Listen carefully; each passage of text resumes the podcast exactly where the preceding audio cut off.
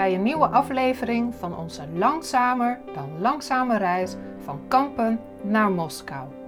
Mijn naam is Helene Westerman en samen met mijn man Milton Kam documenteer ik onze reis via oude handelsroutes op zoek naar internationale invloeden op lokaal niveau.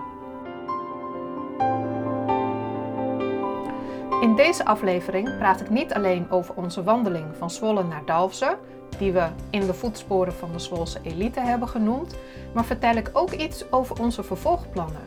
Want er is veel gebeurd na de publicatie van deze laatste aflevering. Wie in de buurt van Dalsen komt, kan niet om de bestaande landgoederen heen. Niet alleen langs de Vecht richting Omme, maar ook langs de IJssel naar het zuiden richting Deventer hebben veel rijke notabelen, adelen en krijgslieden grond gekocht of gekregen. En hun aanwezigheid heeft de ontwikkeling van deze regio sterk bepaald. En graag had ik eigenlijk voor deze aflevering een aantal hedendaagse landgoedeigenaren willen interviewen. Maar ze hadden geen interesse. En dat was wel lastig. Ik kon wel terecht bij Landgoed de Horten. Dat is nu in het bezit van Landschap Overijssel. En zij hebben mij voorzien van aanvullende informatie, maar konden helaas vanwege de drukte en COVID-19 niemand beschikbaar stellen voor een interview. Het verhaal van Landgoed de Horten is eigenlijk een van de redenen waarom ik aan onze reis voor Kamper naar Moskou ben begonnen. Als kind van het platteland heb ik altijd gedacht dat in de Randstad alles gebeurde. En op mijn achttiende ben ik dan ook gevlucht naar de Randstad. Want ja, het leven in deze regio was maar saai. Dat landgoed de Horte vroeger Jogjakarta heette, omdat een voormalige VOC-hoofdkoopman er had gewoond, vond ik altijd al fascinerend. Al in de 18e eeuw wonen er dus mensen in de buurt van Dalsen die in het buitenland hadden gewoond. Ik vond dat sensationeel. Het was een stukje exotisch leven te midden van alle in mijn puberogen saaie weilanden en bossen. Dat stukje uit het verleden was alleen niet genoeg om mijn escape naar de grote stad tegen te houden. Het maakte, na mijn terugkeer, wel nieuwsgierig naar meer sporen van internationale invloeden in de omgeving. En met de serie Van Kampen naar Moskou ga ik daar dus naar op zoek.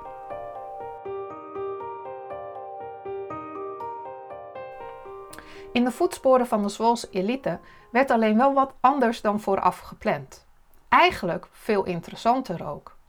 Ik heb veel meer geleerd eigenlijk over de lokale geschiedenis en vooral over een aantal zaken waar ik eigenlijk niets van af wist. Die geschiedenisles begon eigenlijk al bij uh, onze route om Zwolle te verlaten. Ik koos voor de Nieuwe Vecht. En de Nieuwe Vecht is een waterverbinding tussen de stad Zwolle en de echte vecht, om het maar zo te zeggen. En ik heb altijd gedacht dat de Nieuwe Vecht een kanaal was. Want ja, het ligt zo recht door de stad heen. Ehm, en ik had het ook volgens mij ergens al een keer gelezen. En ik vond het al wel heel wat dat men in 1600 al een kanaal had gegraven. Maar voor onze afleveringen doe ik altijd wat extra onderzoek online en probeer ik meerdere bronnen te vinden die bijvoorbeeld hetzelfde verhaal vertellen of juist een verschillend perspectief geven. En toen kwam ik iets interessants tegen. In de archiefstukken van de gemeente Zwolle was namelijk de volgende tekst gevonden. Dat het raadzaam zou zijn dat de Vecht, de rivier die zijn oorsprong had tot ver in Westfalen, met de stad zou worden verbonden, gelijk dit reeds van oude tijden begonnen was. Deze tekst stamt uit 3 december 1597, de dag van Sint Lucie, toen de stad Zwolle het besluit nam om de nieuwe vecht bevaarbaar te maken. Het laatste deel van de zin duidt erop dat deze vaarroute al eerder had bestaan, of dat men al eerder was begonnen om de waterloop, die nu de Nieuwe Vecht heet, bevaarbaar te maken. Verdere informatie daarover ontbreekt echter, maar men denkt dat voor het uitbreken van de 80-jarige oorlog er al een vaarroute over de Nieuwe Vecht was. Een amateuronderzoek meent zelfs in de grondmonsters te kunnen zien dat de waterloop vroeger anders liep, maar dat die er al wel heel erg lang was. Het kan zijn dat men hem wel verder heeft gekanaliseerd om geschikt te maken voor de scheepvaart, maar dat het niet helemaal is uitgegraven. Ik vind dit soort onduidelijkheden altijd boeiend, want het laat zien dat we alleen maar naar het verleden kunnen gissen. Er is niet één waarheid of één verhaal. En daarom noem ik in de aflevering de Nieuwe Vecht dan ook geen kanaal. Maar ik sta wel even stil bij de noodzaak van de sluis om de stad Zwolle te beschermen tegen het hoge water van de Vecht. Over kanalen gesproken, uh, niet zo heel lang geleden ben ik begonnen aan de lange afstandswandeling genaamd Hansestedenpad. En dat is een wandeling die loopt van Zwolle tot Doesburg. En tijdens mijn wandeling van Windesheim naar Zwolle liep ik een stukje over de dijk langs de Soest-Wetering. En de naam Wetering verwijst naar een gegraven waterweg, waarin men het overtollige water van de Sallandse heuvelrug richting Zwolle en het Zwarte Water geleidde. Deze kanalen werden in de 13e eeuw gegraven toen bleek dat door de bedijking van de IJssel het overtollige water vanuit Salland niet meer de rivier kon instromen.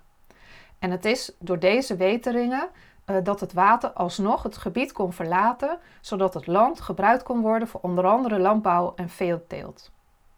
Kanalen werden dus al veel eerder gegraven dan in de 16e eeuw. Een andere, anders dan gepland en veel interessanter dan verwacht, bleek oliemolen de passiebloem te zijn. Nadat de landgoedeigenaren het liet afweten, ging ik op zoek naar een ander onderwerp gerelateerd aan de handel. In eerste instantie leek mijn bezoek aan de molen niet heel erg interessant, want ja, iedereen heeft er al wel eentje van binnen gezien. De molen paste alleen wel binnen ons verhaal van Kampen naar Moskou, omdat het vroeger gewassen vanuit Twente verwerkte tot olie. Ik aarzelde nog even, maar stuurde in de middag toch maar een e-mail via de website naar deze stichting. Die avond werd ik gelijk opgebeld door Ada. Natuurlijk konden we komen filmen. Haar enthousiasme werd super aanstekelijk. En ik realiseerde mij weer dat juist vrijwilligers zo leuk zijn om te interviewen. Ze zijn vol passie over wat ze doen en trots op de kennis die ze hebben. Een vrouwelijke molenaar vond ik al interessant, maar het werd Hermke die we interviewden voor onze aflevering. Eerst toonde Ada en Heimke hoe ze de molen opstarten aan het begin van de dag. Dat leverde al prachtig op beelden op van hoe Heimke en Ada samen de wieken in beweging brachten. Er werd nauwelijks gesproken. Iedereen deed zijn deel en daar gingen die grote wieken als zoefend door de lucht. Dit waren geen vrijwilligers die maar iets deden. Dit waren professionele molenaars die vol passie en liefde spraken over hun molen. En Heimke vertelde ons hoe hij het vak heeft geleerd. Ja, het heeft te maken met interesse. Hoe kom je aan een interesse? Ik vond molens altijd heel mooi om te zien en ik vond het indrukwekkend om deze oude werktuigen nog steeds te zien werken. Maar ik had me nooit gerealiseerd dat je dat ook zou kunnen leren om het zelf te gaan doen. Daar kwam ik toevallig achter door met een molenaar op dezelfde plek als waar we nu staan op bestelling te gaan praten. Hoe doe je dat dan? Nou, die ja, hadden dus een opleiding voor en dan kun je gaan leren, oh dat is leuk. En hier in Zwolle, dat was hier vlakbij in Hattem, uh, was dat. En uh, daar uh, in Zwolle, daar kun je de opleiding gaan doen. Er zitten twee instructeurs die verzorgen die opleiding. Nou, hebben we contact meegelegd en zo is het gekomen eigenlijk. Naast het verhaal over de verwerking van lijnzaad, afkomstig van vlas, de vreselijke werkomstandigheden door de arbeiders en het industriële karakter van de molen, ben ik vooral onder de indruk geraakt van die enorme stam in het hart van de molen. De hele molen wordt aangedreven door een eikenboomstam van 90 centimeter in de doorsnede en 9 meter in de lengte. En die ligt daar al sinds 1776. En ik heb het later opgezocht dat een eikenboom van die omvang waarschijnlijk al meer dan 100 jaar oud zou zijn voordat hij er werd ingeplaatst. En eerlijk is eerlijk, er schieten nog steeds tranen in mijn ogen in het gedeelte van de aflevering wanneer Heimke aan het einde van zijn verhaal zegt: Dit is al 200 jaar oud. En dat je daarna de molenwikken gestaag ziet draaien in een gehaaste omgeving vol moderne gebouwen. Het volgende, anders dan gepland en veel interessanter dan verwacht, bleek het biljarthuisje op landgoed de Horten te zijn. Het biljarthuisje wordt nu verhuurd als een vakantieblijf. En ik had altijd gedacht dat het erg luxueus en duur zou zijn om dat te huren. En daarom twijfelde ik even of ik het wel moest opnemen in onze aflevering. Omdat ik namelijk geen ja, uh, verblijfplaatsen, overnachtingen wil laten zien die echt alleen maar ja, door rijke mensen betaald kunnen worden. Maar ja, wederom, omdat de landgoedeigenaren geen sjoegen gaven, besloot ik toch om dit stukje elite in onze aflevering op te nemen. En wat blijkt nu? Het biljartje is helemaal niet overmatig luxueus. Het is juist best wel een betaalbaar huisje om te huren voor een weekend uh, of een week. En in gesprek met Lucienne Dunnewijk bleek er niet alleen een mooi verhaal te zijn over het biljarthuis zelf, maar dat bij Mulle, de verhuurder van het huisje, ook nog natuurlijke producten verkoopt, waaronder producten gemaakt van linnen. En linnen wordt dus weer gemaakt van vlas. En vlas levert ook de lijnzaad voor het maken van olie in de molen de Passiebloem. Wat een mooie, onverwachte connectie tussen deze twee locaties. En Lucenne is zelf ook erg enthousiast over linnen als product en vertelt ook over hoe oud dit product eigenlijk al is. Het gaat echt terug duizenden jaren dat de Egyptenaren die wisten al van de bijzondere eigenschappen van linnen, zowel medicinaal, maar ook qua schoonheid.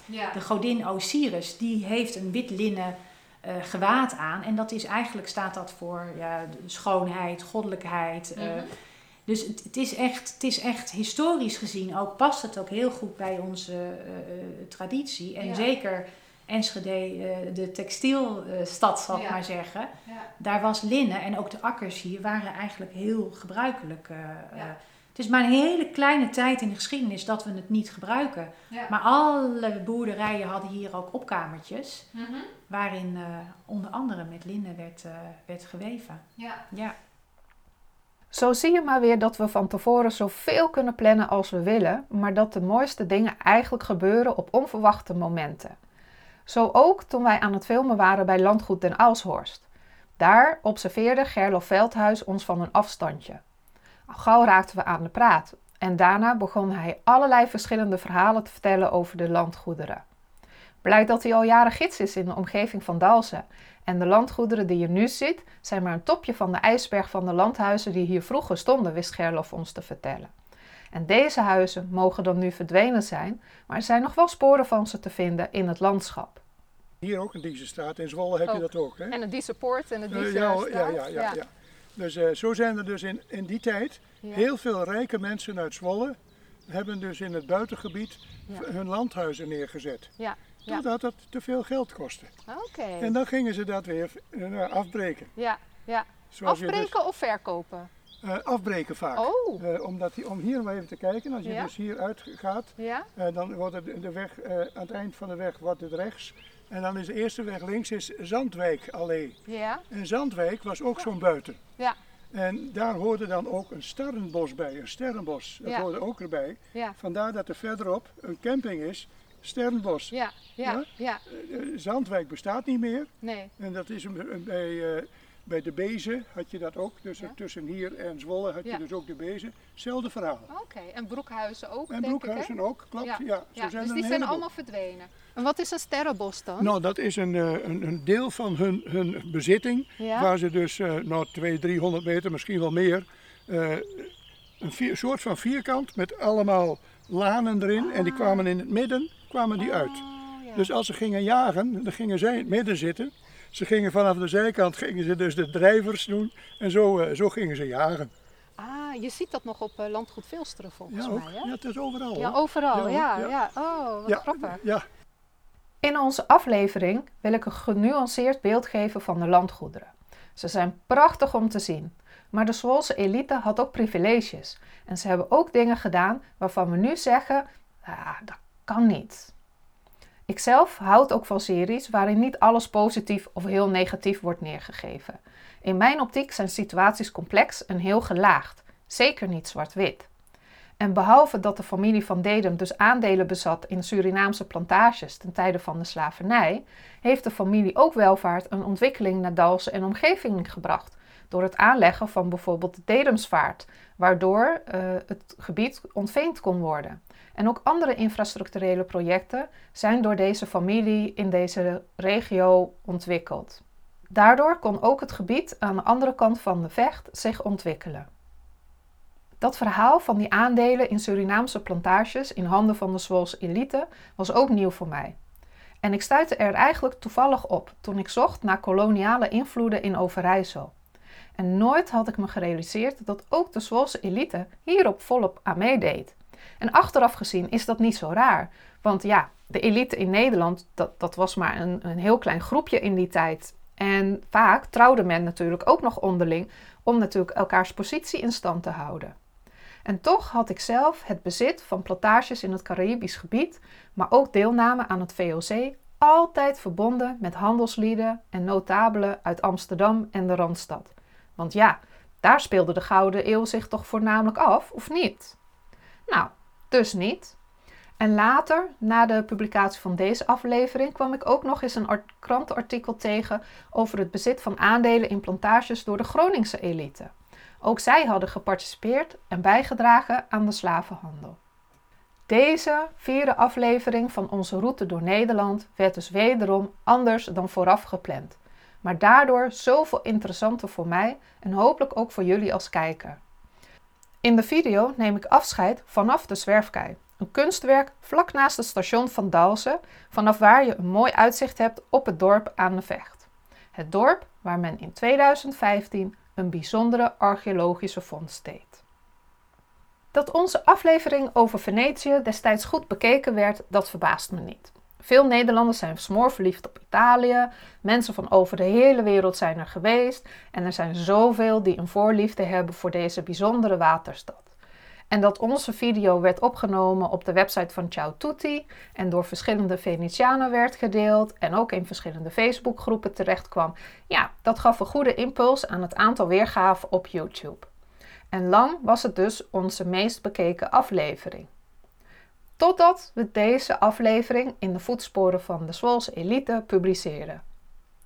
Want de redacteur van het populaire nieuwsite dalse.net postte namelijk gelijk een bericht naar onze publicatie op YouTube.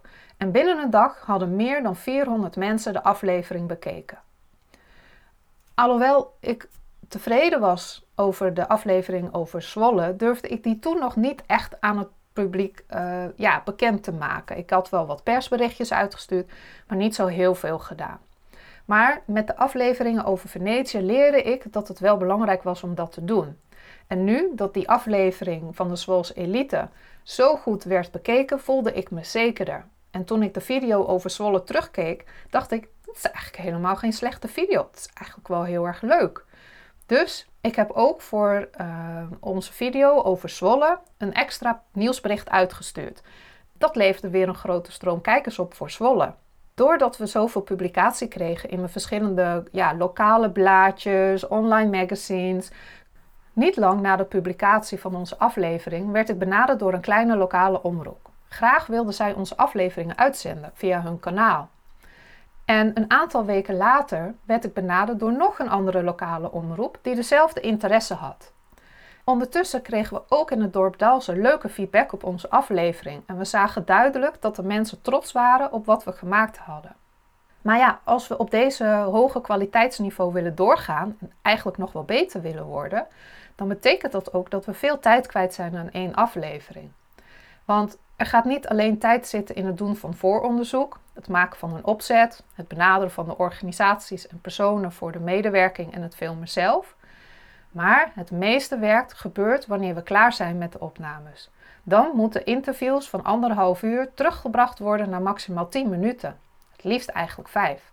Het bepalen van de juiste volgorde van de beelden, het zodanig snijden dat er echt een verhaal wordt verteld en eventuele onvolkomenheden te maskeren met andere beelden, ja, dat vraagt gewoon veel tijd. En als dat is gedaan, dan gaan we nog het geluid en de kleuren perfectioneren. En als we dat weer hebben gedaan, dan gaan we nog een ondertiteling schrijven in zowel het Nederlands als in het Engels.